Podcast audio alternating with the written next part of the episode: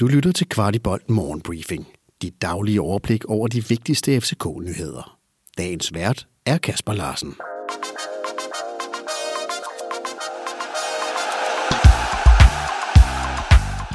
Tirsdag den 16. august. Så kom dagen endelig, hvor vi skal spille den første af vores to playoff-kampe for at komme ind i den fineste turnering for klubhold, nemlig Champions League. Dette bærer morgennyhederne også præg af denne morgen. FC København har meldt ud, at mere end 26.000 vil være finde i parken i aften, og heraf forventes der hele 2.000 Trabzonspor-fans på D-tribunen. Kampen starter kl. 21, og gud, hvor vi håber på en magisk European Night i parken. På gårdsdagens pressemøde meddelte cheftræner Jes Torup, at alle mand havde trænet med og var til rådighed. Det føler vi os ikke så sikre på her på redaktionen, men vi bliver gerne glædeligt overrasket. En spiller, der netop er kommet tilbage, er vores anfører Carlos Seca. Seca har allerede fået lidt indhop, og han sagde også på gårdsdagens pressemøde, at han er klar til at spille det antal minutter, som træneren ønsker. Da vi så Seca til lørdagens træning, var det i hvert fald ikke en mand, der skånede sig selv.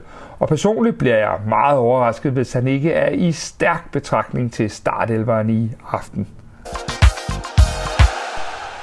Og apropos skader, så møder tyrkerne øjensynligt op uden et par af deres helt store profiler.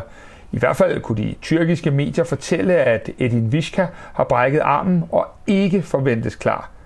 Klar skulle øh, Marek Hamsik heller ikke være, og det er bestemt en fordel for FC København, hvis de må stille op uden de to, der begge var profiler i foråret, da de blev mester. Og mere Trabzonspor, for den tidligere Barcelona-forsvarer Marc Bartra er skiftet til Trabzonspor. Bartra har senest spillet for Real Betis siden 2018.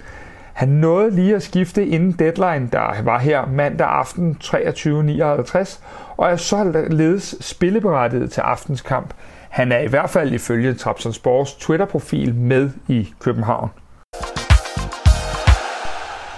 Og så til en nyhed omkring vores tidligere angriber Pietro Sotirio. Han tager en lidt overraskende tur til Japan, hvor han skal tørne ud for Hiroshima, skriver Tipsbladet. Pieters har senest optrådt for Ludogorets og er nu på kontrakt i tre år i Japan.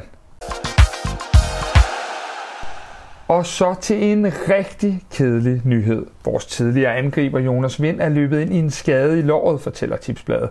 Vind forventes ude i flere uger. En kæmpe bed for Jonas, der skulle til at overbevise sin nye træner om, at han skulle være blandt de 11 startende i Wolfsburg. Det kommer han så til lige at vente nogle uger med endnu. Det er ingen hemmelighed, at FC København leder efter en nier. Det har i de seneste dage været fremme, at vi skulle have budt på en romansk angriber med det flotte navn Puskas. Ifølge flere romanske medier skulle han have forlangt en alt for høj løn, som FC København ikke ville imødekomme. Det er godt nok spændende, hvem vi lander til den position, og om vi overhovedet lander nogen. Hvis du vil følge med i de sidste timer af transfervinduet, så holder vi som bekendt et kæmpe Transfer Deadline Day show på Old Irish på Frederiksberg, med blandt andet Niels Christian Holmstrøm, Farsam Abolisani, der vel er den journalist i Danmark med fingeren mest på pulsen PT. Derudover får vi en af de største kultfigurer i FC Københavns historie på scenen. Jeg smider lige et link til billetter i shownoterne. Du har lyttet til Kvartibolt Morgenbriefing.